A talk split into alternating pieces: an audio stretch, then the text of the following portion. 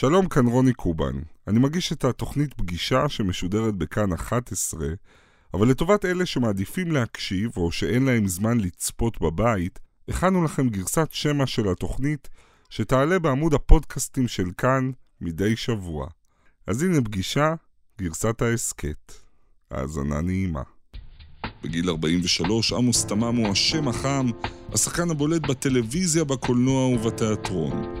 מי שצמח ברמלה במשפחה דלת אמצעים, וחלה מגיל צעיר על מקום ובמה משלו, מי שתמיד הרגיש לא ראוי, לא מספיק, לא מתאים, הוא היום מה שנוהגים לכנות המאמי הלאומי, אבל יודע היטב שזה לא לתמיד. נאבק בתדמית, נאבק בליהוק המצ'ואיסטי הקבוע שלו, נאבק על כל תפקיד מחדש. עמוס תמם הוא האורח שלי הערב. שלום עמוס. שלום, שלום. מה קורה? הכל טוב.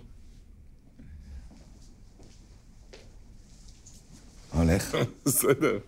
זה הקיר שלך. אוי, זה מעולה. אין לי כמעט תמונות שאני ילד קטן, אתה מבין? לדעתי זאת התמונה היחידה, ויש לכם אותה.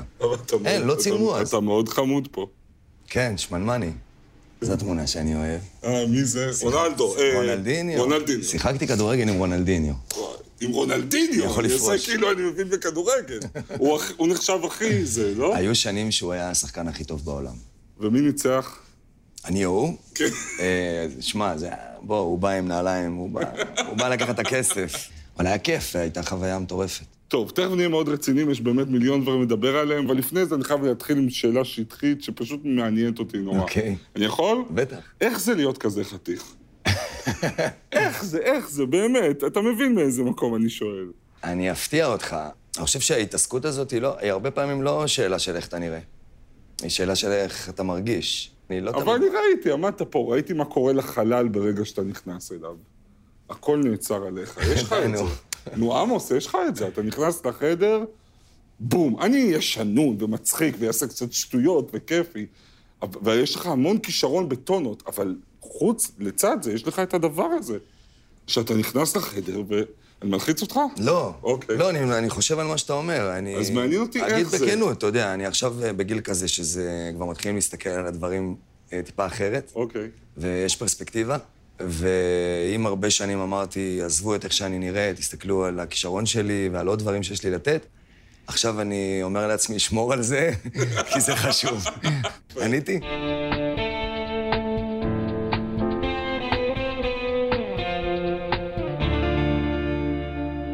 שלום לעמוס תמם. שלום, שלום. אחד השחקנים המצליחים והמוערכים היום בישראל, תנשום, עם שורה של תפקידים מעולים בתיאטרון, בקולנוע, בטלוויזיה, רשימה חלקית. אמיר בסרוגים, איתי באספור, תפקיד ראשי ב-100, ג'ודה, מדובב, ילד טוב ירושלים ולעבור את הקיר, התאהבנו בך שם, ולאחרונה אזהרת מסע, וכמובן ברק המניאק במנאייק, תפקיד שעליו זכית בפרס האקדמיה לקולנוע וטלוויזיה בפעם השנייה. זכיתי גם ב-100. בתיאטרון ראינו אותך בתפקידים מרשימים מקזבלנדר, חוטלו ועד גאון בכלוב, ההצגה החדשה שלך, בן 43, נשוי לטל, אבא לשני ילדים. עכשיו, עשינו פגישת היכרות אה, לפני כמה שבועות. אחד הדברים המעניינים שעלו זה איך לאורך העלייה שלך היו רגעים שמצאת את עצמך מלכודות של טייפקאסט, של סטריאוטיפים. מעניין אותי אם הדבר הזה בטח קורה לך גם לפעמים ברעיונות, אותם שאלות, אותו נרטיב. אז בוא ככה בשביל הכיף, אם אתה יכול, זרוק אליי שלוש-ארבע שאלות שאתה לא מסוגל שישאלו אותך יותר. שאלות ששואלים את עמוס תמם. יש את השאלה שמנצחת את כל השאלות במה שנקרא ביפר, זה... אז היית במה קשור? יש מישהו שלא יודע את זה? השאלה הבאה זה, איך ויתרת על מה כן, קשור? כן, ולא- כן. אני לא אשאל אותך, לא תכננתי. תמשיך. אוקיי. אה, השנייה היא... אה, הייתה תקופה שכל כתבה, יש פרויקט, ואז עושים איזה כתבת אה, צבע כזה, מצ- מצ- מצולמת, ואז אומרים, נוסעים לשוק ברמלה. אני עבדתי שם בגיל שמונה, תשע, עד... כן, יש לי כמה שאלות על זה, למחוק אותן? ולא, לא חובה. אבל אה, היה שלב שאמרתי, לא נוסע לשוק. לדעתי כבר הרוכלים אומרים, די, מה, הוא רוכב עלינו. למרות שזה תמיד מרגש אותי להגיע לשם, אבל הייתי שם איזה שלוש-ארבע פעמים עם כתבות, באיזה שלב אמרתי, בוא, אני, אני עוד דברים. ואז אמרו לי מה, ולא מצאתי. אז נסעתם לשוק שוב. לא. יש עוד משהו שעובר לך בראש? שדי, אי אפשר יותר? כן, היה כל הזמן אנשים חשבו, הרגישו צורך אה, לשאול אותי, כשעשיתי קזבלן, אז כל הזמן הרגישו צורך לשאול אותי איך זה להיכנס, או איך זה להיכנס לנעליים של יורם גאון, או לספר לי שהם היו גם באלהמברה, וראו את יורם גאון זה כתבתי. לא הייתי באלמברה, אבל לא חשוב, מוחק. אוקיי. טוב, אז אני רוצה לשאול אותך, על הרגע הזה בזמן, של להיות, לא יודע אם מאמי לאומי, אבל להיות הדבר. אתה שם. אתה עכשיו זה שאין סרט או סדרה בלעדיו. בגאון בכלוב, ההצגה החדשה שלך שכתבה עירית קפלן, אתה משחק דמות שהיא סוג של דודו טופז. ראיתי את ההצגה, נהניתי. זה אדם שהצליח מאוד, היה אהוב, נערץ, כל מה שהוא נוגע בו הופך לזהב, אבל יום אחד הוא כבר לא. הוא לא רלוונטי, הוא לא מעניין, הוא מיושן. איך זה להתעסק פתאום עם סיפור כזה? זה מעלה חששות? זה משהו ש... קשה מאוד להיות נוכח בהצ... בהצלחה, אה, כאילו, ב... לא בהצלחה עצמה, אלא ב... במה שהיא... בת... בתדמית. כי אתה גם יודע שזה לא לעולם חוסן, ואתה לא יודע מתי זה ייגמר. אתה יודע, יש לי בטבעת, אז זה סיפור מצחיק האמת, יש לי בטבעת הזאת אה, ג' ז' י', אתה יודע מה זה? ג' ז' י', לא. אה, ראשי תיבות. סיפור על שלמה המלך, שלא חשוב איזה שר צבא שלו פשע, והוא היה צריך להוציא אותו להורג, והוא מאוד אהב אותו, ואמר לו, אם תביא לי טבעת שכל מי שרואה אותה, כל מי ששמח ורואה אותה, נהיה עצוב, קצת עצוב, וכל מי שעצוב ורואה אותה נהיה קצת שמח, אתה תישאר בחיים. הוא חיפש בכל המקומות, בכל הארמונות, בכל המכרות של היהלומים, ולא מצא. בדרך חזרה, מה שנקרא אבל וחפוי ראש, הוא פוגש איזה זקן שמוכר טבעות בשקל כאלה. והוא אומר לו, מה, נפלו פניך וזה, הוא מספר לו את הסיפור, הוא לוקח טבעת פשוטה מאוד, הוא חורט עליה ג' ז' י', והוא אומר, תן את זה למלך, הכל יהיה בסדר. ג' ז' י' זה גם זה יעבור. תזכור תמיד שכשטוב לך, שזה יעבור, אבל גם כשרע לך זה יעבור. וזה מייצר את הבלנס בחיים. בייחוד המקום הזה שבו אתה בקלות יכול להאמין לתדמית, וואנס אתה מאמין לתדמית, אתה בדרך למטה. היה לך רגע, רגע שאתה יכול לספר עליו שהאמנת לתדמית? יש רגעים שאתה מסתכל על הצלם האהוב פה, עשינו יחד Extreme Makeover בערוץ 10, אשר, כן. והיינו מצלמים 12 שעות ביום, מתחיל ב-4 בבוקר, בצפון, מגיע לעשות קזבלן, ישן שעתיים, נוסע לצלם, ואתה... אתה יכול לאבד בקלות את האיזון ואת ה center, גם כי אתה רוצה, אתה רוצה לבלוע הכל, אתה אומר, וואו, זה קורה, אני רוצה הכל. והיו לי רגעים שם לא נעימים, שהייתי צריך לעשות stop. היה שלב אפילו שרציתי לעזוב. אחרי שצולמו שלושה פרקים, אמרתי, לא עזבתי. סיימנו את זה. אבל אחרי זה, כבר, כבר למדתי שאני צריך גם לשמור על עצמי.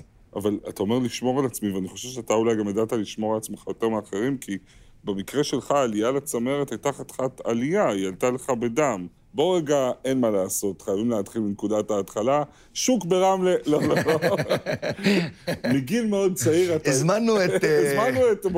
איך מוכר דוד מהבסטה, הוא מכר את ה... גם הבסטה תגיע. גם שרת בבסטה, אז יש לך פה תופים ומצילתיים. לא, לא, לא. לא באמת. אבל הנקודת התחלה שלך במשפחה ברמלה זה ילד במאבק, בהתמודדות. זאת אומרת, רק להשמיע את הקול שלך. נכון. אבא ואמא עסוקים, שישה אחים ואחיות. נכון, נכון. כשאתה גדל בבית, שוב, לא, כשאתה גדל, כשאני גדלתי בבית שהיו בו שישה ילדים, ו... אז אתה צריך להילחם על המקום שלך, על תשומת הלב. ואז אני זוכר ממש שבפעם הראשונה שעמדתי על במה, זה היה בכיתה ו' נראה לי, ופתאום כולם שתקו. ורצו לשמוע את, רק את מה שיש לי להגיד, והאור היה עליי. אמרתי, אה, אוקיי, אז, אז, אז, אז, אז זה המקום. אז ככה זה. אבל היה קשה בילדות. מה זה אומר קשה בסיפור? כלכלית היה קשה. למרות שההורים שלי, אבא שלי היה עובד ב, בשלוש עבודות.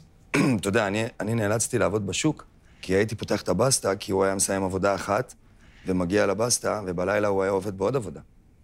וגם, וגם הבסטה בשוק הייתה תרגיל בתיאטרון, נכון? לגמרי, הייתי שם. כן, שוב, בסוף איכשהו לא. מצאתי את עצמי כל הזמן מול קהל. ממש ממול הייתה גם בסטה של תבלינים, אז אוקיי. הייתה תחרות. אה, אתם הייתם תבלינים וגם הבסטה כן, ממול? אוקיי. הייתה בסטה כזאת, כמו השולחן הזה. והייתי צועק, הייתי צועק... הלו, אדון, היידה גברת, תקני אצלי, ניסע לכנרת, כל מיני כאלה. היידה הופ, היידה הופה, אצלי סחורה מאירופה. וכשבאת לאבא ואמא ואמרת, אבא, אמא, אני רוצה להיות שחקן, מה הם אמרו? שמע, אני מכיר את המשפט הזה, ההורים שלי אמרו לי, תלמד מקצוע, משחק זה לא מקצוע, לא יהיה לך כסף. אצלנו רק אמרו, אם אתה לא עבריין, תעשה כל דבר. אמיתי, אל תהיה ברחוב, אל תסתבך, שלא נשמע ממשטרה, הכל טוב. ומישהו מכם יצא עבריין? לא? ברוך השם. כולכם? אני במנאייק. אוקיי. אבל זה כי אבא שלי, לחשוב על השנים האלה, שנות ה-80, בשכונה שגדלתי, לא היו שנים קלות. והוא החזיק אותנו חזק, ממש חזק, כאילו, מכריח אותנו לבוא לבית כנסת ולא נותן לנו... כאילו אתה, ב... אתה עם אזיקון. אבל בסוף זה שמר אותנו. טוב, תכף נדבר גם עליו. אמ, אני רוצה קצת לדבר על לימודי המשחק באמת, אה, אחרי הצבא. אתה יודע, אני למדתי בתלמה ילין, בבחינות תלמה ילין מצאתי את עצמי בחדר אחד עם כל הילדים ששיחקו באותה שנה בקולנוע הישראלי. אני, כולם היו בלונדינים, חמודים, כוכבים, רק אני 115 קילו, בחדר מלא מראות, והתקבלתי. תודה לאלוהים. ו... אבל אני זוכר את הקונפליקט כשהסתובבתי שם בתלמה ילין.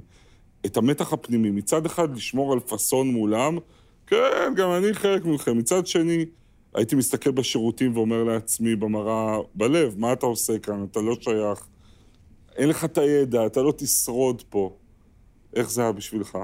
אני הרגשתי בדיוק אותו דבר, אני זוכר שהגעתי ל... קודם כל, ממש כבר בהתחלה, כשהגעתי לבית ספר למשחק, אז מצ... כל אחד מציג את עצמו כזה, אבא שלי עיתונאי, וסבתא שלי ציירת, ואבא שלי הוא מרביץ לעופות ולבשר, כאילו... אה... היו, היו הרבה רגשי נחיתות. הייתה, היו הרבה רגעים, אתה יודע, בבתי ספר למשחק, אז כל סמסטר מנפים. תמיד הייתי בטוח שזה אני. זה היה ברור לי, כאילו, אה, וזה לא קרה. האמת היא שלמה לדבר על בית ספר למשחק? אני סחבתי את זה הרבה שנים, את התחושה הזאת. גם שכבר הצלחתי. שמה? שאני לא ראוי, שאני לא באמת. אני ממש זוכר את זה שיצאתי עם איזה מישהי, ואני זוכר שבאיזה שיחה כזה אמרתי לה, כן, אבל אני ארס. אז היא התחילה לצחוק. ואמרתי לה, מה את צוחקת? אז היא אמרה, אתה ארס? אתה הבן אדם הכי לא ארס שאני מכירה. וזו דוגמה טובה לאיך אתה רואה את עצמך. אתה חשבת שאתה ארס? כן. מה זה שמע, אני ארס? גדלתי ברמלה. אוקיי. אז זה נכון, אה, שמעתי עופר לוי ואבי ביטר ומשה כהן. אה, שמענו, כל החבר'ה. זה נכון שגם שמעתי אביב גפן וגם אביתר בנאי, ו... והיינו הולכים, הייתה תקופה שהלכתי עם החולצה של אביב גפן והטעויות שהייתה גזורה, והיו...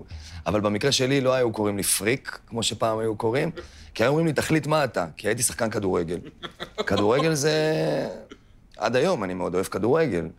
כן, אה, גם כדורגל, גם עופר לפי, גם ילד דור הירח, וואו. אתה יודע, אני בא מבית טוניסאי, אה, מדברים ערבי, אני דובר טוניסאית. אה, כאילו, כל מה שאתה יכול להכניס תחת הקטגוריה זה אני.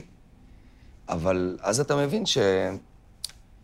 שאתה, שאתה לא רק, אתה עוד, אתה, אתה גם. ו... וזה לוקח זמן להבין את זה. יש שלב שאתה אפילו מבין שזה היתרון, בדיוק. אבל לוקח נכון. זמן. לוקח זמן.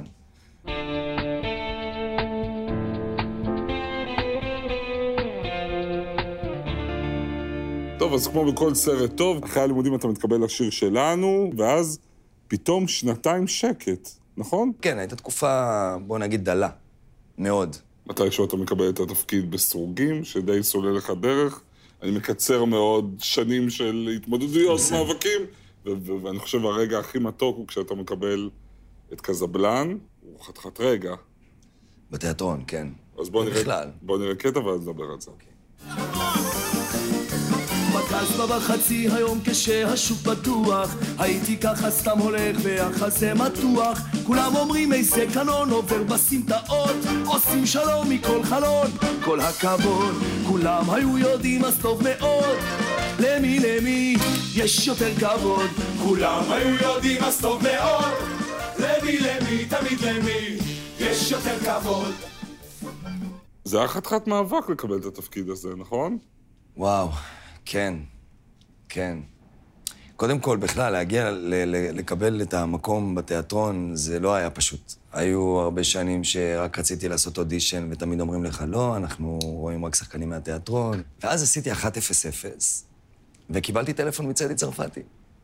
והוא אמר לי ככה, ממש במילים האלה, הוא אמר, תשמע, אני, הדבר היחידי שחשוב לי בתפקיד הזה, זה שכשקזבלן מסתובב בשוק, אני רוצה להרגיש שאלה שסביבו באמת פוחדים ממנו. הוא אומר, אני ראיתי אותך ב-1-0-0, אני, אני קצת פוחד ממך. תבוא לאודישן, התיאטרון עוד לא יודע, אף אחד עוד לא יודע כלום, תבוא, אני רוצה לשמוע אותך שר שיר אחד, אני לא צריך לבחון אותך משחקית. תבוא, תשיר שיר, ובחרתי את השיר, את תרד ממני קזבלן, שהוא מדבר אליי מאוד עד היום, השיר הזה. שמה, איך הוא הולך? זה כולם תמיד אומרים שאין כמותך, אבל יורקים ישר בפרצופך. בעצם השיר הזה, לקזבלן קוראים יוסף סימנטוב. קזה, קזבלן זה הש... הכינוי שלו, זה המסכה. זה, פוחדים מקזבלן, לא מיוסף סימנטוב. הוא ההוא שמתאהב ברחל, והוא בכלל רך, ויודע לאהוב, ו... ועוזר, והוא לא יגנוב אף פעם. וקזה זה, אתה צריך כאילו להוציא את ה... לשלוף את הסכין כדי להגיד, אני פה ואני אקבל ואני אקח בכוח, כי הוא מרגיש לא ראוי. אבל יש פה עוד משהו, זה כאילו כל הקונפליקטים שדיברנו עליהם בספה, זהות, מזרחיות, הצלחה, כסף, שכונה, פתאום איכשהו הם מסתדרים לך אחרת בתפקיד הזה, וכשאתה מקבל את קזבלן אתה מבין מה. בסוף, קאזה באמת מבטא את כל הקונפליקטים שהיו לי, את כל ה... בהרבה מובנים בסדר, אז אני לא דקרתי אף אחד. ואני לא הייתי גונב מכוניות. אבל באיזשהו מקום, קאזה היה צנחן, אני הייתי בצנחנים. קאזה הוא המזרחי הזה שמתאהב באשכנזייה, ותמיד היו לי את החברות האלה, שכאילו, אה, אה, אני כאילו, אני קצת לא קשור. אה, מה, משפחות אולטרה אשכנזיות? אולטרה, אולטרה, לא כולן, אבל חלקן, ובאמת, באמת הרגשתי שזה לא סתם הצליח, אתה מבין? זה הצליח כי זה, זה כשהאור הזה פגע בי, זה, זה, זה, זה הפיץ משהו שהוא לא אני ולא התפקיד. שהוא איזה שילוב של שניהם, אתה מבין? אבל אני פרצתי פעם את הדיסק בגב על הבמה. ובאמצע ההצגה, ברוזה, אה, הייתי מטפס, רוזה, רוזה, רוזה. הייתי מטפס על הבר, ואני רק אמור לרדת מהבר. כשאתה עושה עוד הצגה ועוד הצגה ועוד הצגה, אתה נכנס לכושר. הייתי דופק קפיצות, חושב שאני מינימום אה, לירוי מתהילה. אוקיי. ויום אחד קפצתי עם רגליים פתוחות ורציתי לנחות ישר, ופרצתי דיסק על הבמה. אין דבר כזה לבטל הצגה בימי נועם סמל. אין חיה כזאת. הוא מקבל זריקות של קורטיזון לגב, מזיקים את סדי, ומבטלים את כל העריצות שלי, את כל הריקודים, את כל הטיפוסים. היה בתים. את כל הטיפוסים והקפיצות והכל, צדי נותן לכולם את התפקידים שלי. הצגת שבת, חמש בערב, הוא אומר לי, כל מה שאתה עושה, אתה נכנס לבמה, אומר טקסט, יוצא. נכנס, שר, יוצא. אתה לא עושה כלום חוץ מזה, חייבים, אלף איש קנו כרטיסים. אשתי באה איתי, טל, וממש לוקחת אותי ביד. אני, אני מדבר איתך, פריצת דיסק זה כאב שהוא... זה ה core, זה, אתה, זה כואב בהכל. פשוט לוקחת אותי ביד, אני, אני בוכה. לוקחת אותי ביד, מעבירה אותי לצד השני, אני נכנס, שר, אבל בשירים, אני בוכה. עכשיו, אני בוכה כי כואב לי. אני לא בוכה כי אני, כי אני איזה שחקן אדיר עכשיו. ההצגה נגמרת, והקהל, כל הקהל נעמד על הרגליים, standing ovation מטורף, שלא היה. ואז אני לא אשכח את האס.אם.אס של צדי, הוא סימס לי, עמוס יקירי, נראה לי שהקונספט של קאזה, נכה צה"ל, עובד מצוין. ומה השיעור? באמת, שבסוף קהל, מה הוא רוצה? הוא רוצה לראות אמת. אכפת לו אם אתה... הוא רוצה אמת. ובתפקיד הזה יצא אמת, לא הייתה לי ברירה, אלא לתת לכל מיני, לכל מיני אמיתות וכל מיני דברים שחשבתי שאם אני אסתיר, אני אהיה משהו אחר, משהו מגניב, משהו נוצץ. דווקא כל הדבר הזה, כל הכאב הזה שיצא החוצה, מגנט את הקהל לדבר הזה, כי בסוף אנחנו רוצים לראות חולשה. אבל למרות ההקרבה, ולמרות שזה להיט ענק, ואתה עושה את זה חצי נכה, גם את ההצגות האלה, אתה, כדי להתקדם מבחינה משחקית, צריך להפוך... אה, כן, היה שלב. להפוך שולחנות. לוקח זמן עד שמתחילים לתת לך תפקידים אופי קצת אחר, קצת שונה, ואז מגיעה הקלאסיקה שלה ביוקר, שזה אוטלו, שייקספיר, ואז אתה אומר לעצמך, הגעתי, אפשר להירגע? אה, ממש לא. שם מתחילות הבעיות. כבר כשהתחלנו חזרות, התחילו עניינים. שלי עם עצמי. מה שייקספיר עכשיו? וכבר עשיתי שייקספיר בשנים עברו, אבל מה שייקספיר בתיאטרון עכשיו זה... יבחנו אותך, תשאיר את זה למי שזה מתאים לו, מה היה לך רע? למה? כי זה מתאים יותר לאיתי טירן? לא, כי הרגשתי לא ראוי, אני אומר לך הכי אמיתי. שזה גדול עליך? כן, שיש מצב שזה גדול עליי. ואז יראו את הבלוף? כן. הייתי מסיים רן בורח. אני גרוע, אני גרוע, אני גרוע. זה הגיע ממש למקום שהיה... רציתי לעזוב, הם לא יודעים, כן. שרציתי ממש לעזוב את ההפקה, ואז מה שקורה זה שבאמת, הצגה ראשונה, וזה גם מצולם, הקהל משתגע. משתגע, ואומרים לי, איזה תפקיד, ואיזה... ולקח לי כמה שבועות להבין שבעצם מה שאני עברתי עם התפקיד, זה מה שאוטלו עובר עם דסדמונה. ובכל ערב על הבמה שהייתי מתפרק ובוכה, אני לא הייתי בוכה על דסדמונה, אני הייתי בוכה על הרגעים האלה בחזרות, שהייתי אבוד, בתחושה שאני מתחנן ל... ואני פשוט שתלתי לעצמי את המחשבה שאני לא ראוי, ואני עברתי כאלה תהליכים נפשיים קשים, שבסוף שירתו את התפקיד. אבל אני לא בטוח שזה היה שווה את זה. וואלה. ברור שלא. זה לא היה בשליטתי. אבל איך זה נראה בתחתית? מה, אתה לא יוצא מהמיטה? אתה... היה, היית, היו כמה שבתות שאני לא יצאתי מהמיטה, אני נכנסתי ל... אבל אתה לא טירוף. אחד שבוכה ומרחם על עצמך. אני, אני גם כן? אני גם וואי. בכיתי. כן, כן. אני זוכר שאמרתי לטל, אשתי, שבאמת, אני לא יודע מה הייתי עושה אם לא היה לי אותה, אבל... אני זוכר שאמרתי לה, אני עוזב. זאת אומרת לי, מה זה אתה עוזב? אמרתי לה, אני עוזב. אז תבין כמה לא הגיוני הייתי. זאת אומרת, תסביר לי, מה זה אומר שאתה עוזב? אמרתי לה, אני הולך מחר, ואני אומר שזה... נו, באמת, עמוס, אתה, יהיה לך פרצוף כאילו לראות אחרי זה את ההצגה אוטלו, ולדעת שאתה היית אמור לשחק את אוטלו וזה לא אתה? אה, אתה יודע מה עניתי לה? אני אעזוב את הארץ. לאן? לאן בדיוק, אחי? למיקונוס לשלושה ימים? כאילו, מה... אז בוא נעבור עכשיו להצלחה האחרונה שלך. ברק ממנאייק. אוקיי. בסדר. כן, אתה מרביץ כמו כוסית.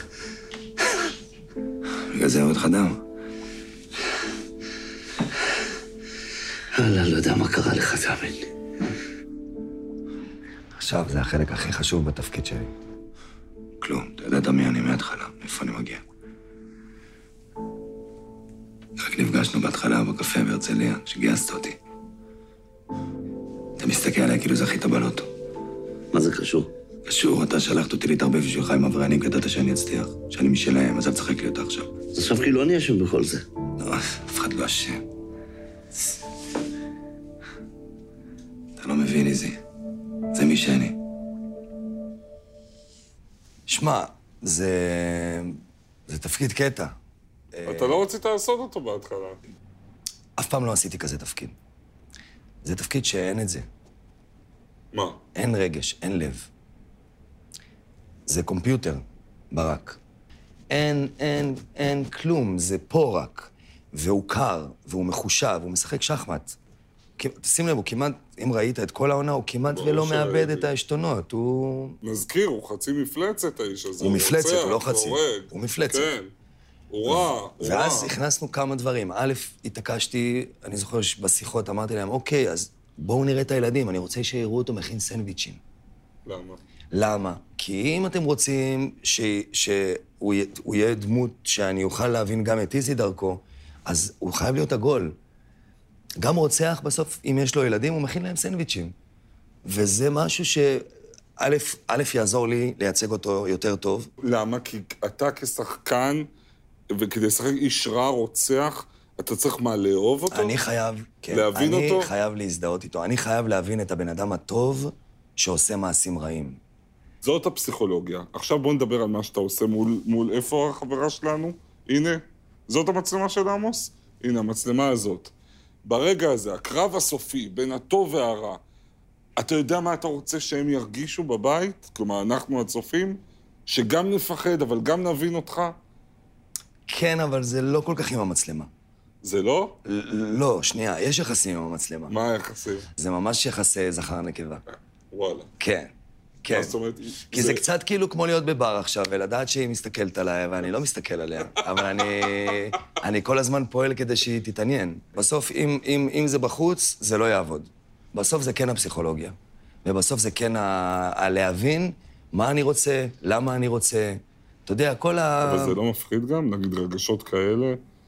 להתחיל להבין פסיכולוגיה של רוצח, של זה לא? מפחיד. זה לא מפחיד כי יש כל הזמן תיחום. כן? יש כל הזמן אתה את לא ה... מפחד שפתאום תצלול לאיזה מים עמוקים שאולי... לא, תראה, הי- הייתה לי פעם אחת באוטלו, יש קטע שאני משפיל את דסדמונה, ואני אומר לה, בואי, לכי. אתה זוכר את זה? בואי, לכי. ואני לא זוכר אפילו מי זה היה, אבל אני ממש זוכר שאני הייתי בשוק ממה שיצא ממני, אני לא זוכר איפה זה היה, אבל מישהו בא, מישהי באה והתחילה לדבר איתי, וזה לא התאים וזה, ועשיתי כזה, לכי. ואיך שעשיתי את הלחי, היא הסתכלה עליי, כאילו, מה? ואני כזה... עכשיו, ישר יצא הילד, כאילו, אמרתי, לא, לא, אני, זה אוטלו, זה, זה, זה... אבל זה היה רגע כזה, שבריר של שנייה, שזה הוא דיבר. אבל זה המקסימום.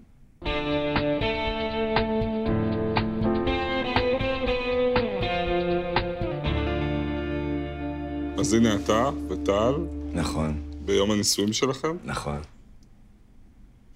תמונה מהממת. נכון. והדרך שלכם להורות הייתה לא פשוטה, ובצעד מאוד אמיץ גם דיברתם על זה, מה שאף אחד לא עושה. בערב פסח 2016, בעצם אה, אה, אתם חווים טראומה קשה כשהיא עוברת לידה שקטה. ואתה מקבל את הבשורה שמשהו לא בסדר בהיריון כשאתה... על הבמה. הייתי בדימונה, קזבלן זה היה? קזבלן. אה, ואז שנייה לפני שאני עולה, ותוך כדי שאני על הבמה, אני מקבל אה, אה, טלפונים והודעות ש... שיש בעיה. וואו. אה, אני מסיים את ההצגה הראשונה, ומבטלים את ההצגה השנייה שלמחרת. איך אתה עושה את ההצגה הראשונה? אני, אתה יודע, השיחה שלנו קודם על הקטע, אף פעם לא חשבתי על זה. ההצגה אולי הכי קשה שלי. כאילו, התפרק, אתה יודע, זה חלק מעניין, יש איפה להתפרק. אז uh, הקהל מרוויח, אבל על חשבוני. יצאתי לבית חולים. אני חושב ש... אני לא זוכר אם זה היה באותו לילה או למחרת בבוקר. אה, שקרה מה שקרה. וההחלטה שלכם באמת האמיצה לדבר על לידה שקטה, שזה משהו שהוא כזה טאבו היה עד אז, זה, זה בא בגלל שכל הזמן הטריפו אתכם במה עם התינוק ואיפה התינוק וזה, כן. אני לא מדבר בכלל על טוקבקים, שזה דבר נוראי, ובאמת, לפעמים... עזוב את זה. זה אנשים שאני אוהב. זה... זה האישה מהבנק שאני עובד איתה, ואני מאוד אוהב אותה, והיא אומרת לי, נו, אפשר להגיד מזל טוב? וואי, ואז אתה כאילו מוצא את עצמך עם כל אחד מחדש. אומר, אה, מספר. ואז הצד השני, יש שתיקה. ואז נהיה לא נעים. הצד שלי, מה אני יכול לענות? אבל גם אנשים באים בקטע של צחוק כזה, נו מה, מה, היא פילה? כמה חודשים לוקח לה ללדת? צחוק, אף אחד לא רוצה לפגוע. אבל אפילו יותר מזה, הרצון שלי, ש... ש... בוא, חבר'ה, בואו בוא נפתח את זה. אה, היה שכשזה קרה, נחשפתי לכמות של אנשים שאני מכיר שעברו את זה, ולא ידעתי, שפשוט הייתי בשוק. ואז אתה אומר, רגע, אז למה לא מדברים על זה?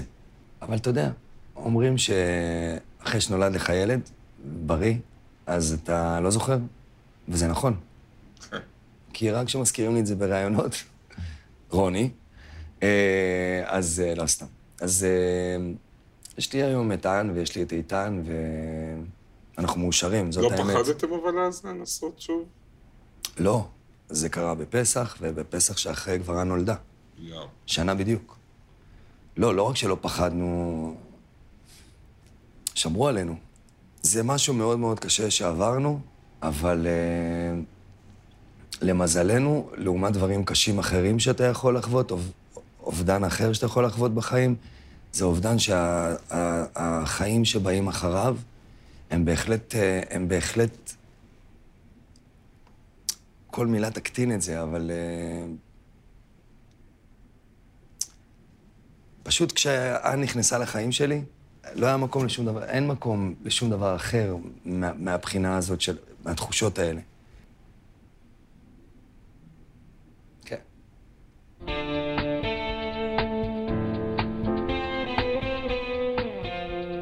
טוב, אנחנו מתקרבים לסיום. התחלנו את הרעיון עם ההצגה החדשה שלך, גאון בכלוב. אתה יודע מה התפקיד הבא שלך? מנאייק עונה שנייה, אה, ומיד אחרי זה המדובב עונה שנייה. זהו, וגם בתיאטרון יש כבר דיבור, אבל שם זה עוד לא סגור, אז... אה, וחלומות יש? אני אף פעם לא הייתי בן אדם חולם. אולי בגלל זה הגעתי לאנשהו. מה זאת אומרת? לא אמרת, אני לא רוצה יודע, לשחק לא. את זה, אני רוצה לא. לשחק את זה, אני אסמן וי ליד זה. אף, תפקיד ששיחקתי לא היה החלום שלי. לא אוטלו ולא קזבלן ולא... זה כזה הכל בא כזה, ואז כשזה בא, אז, אז כן, אז, אז רציתי מאוד, ועשיתי הכל כדי ש... התמסרתי ונתתי הכל כדי שזה יעבוד, אבל כן, כן. עמוס תמם, תודה רבה שבאת. תודה. היה ממש כיף. בהצלחה.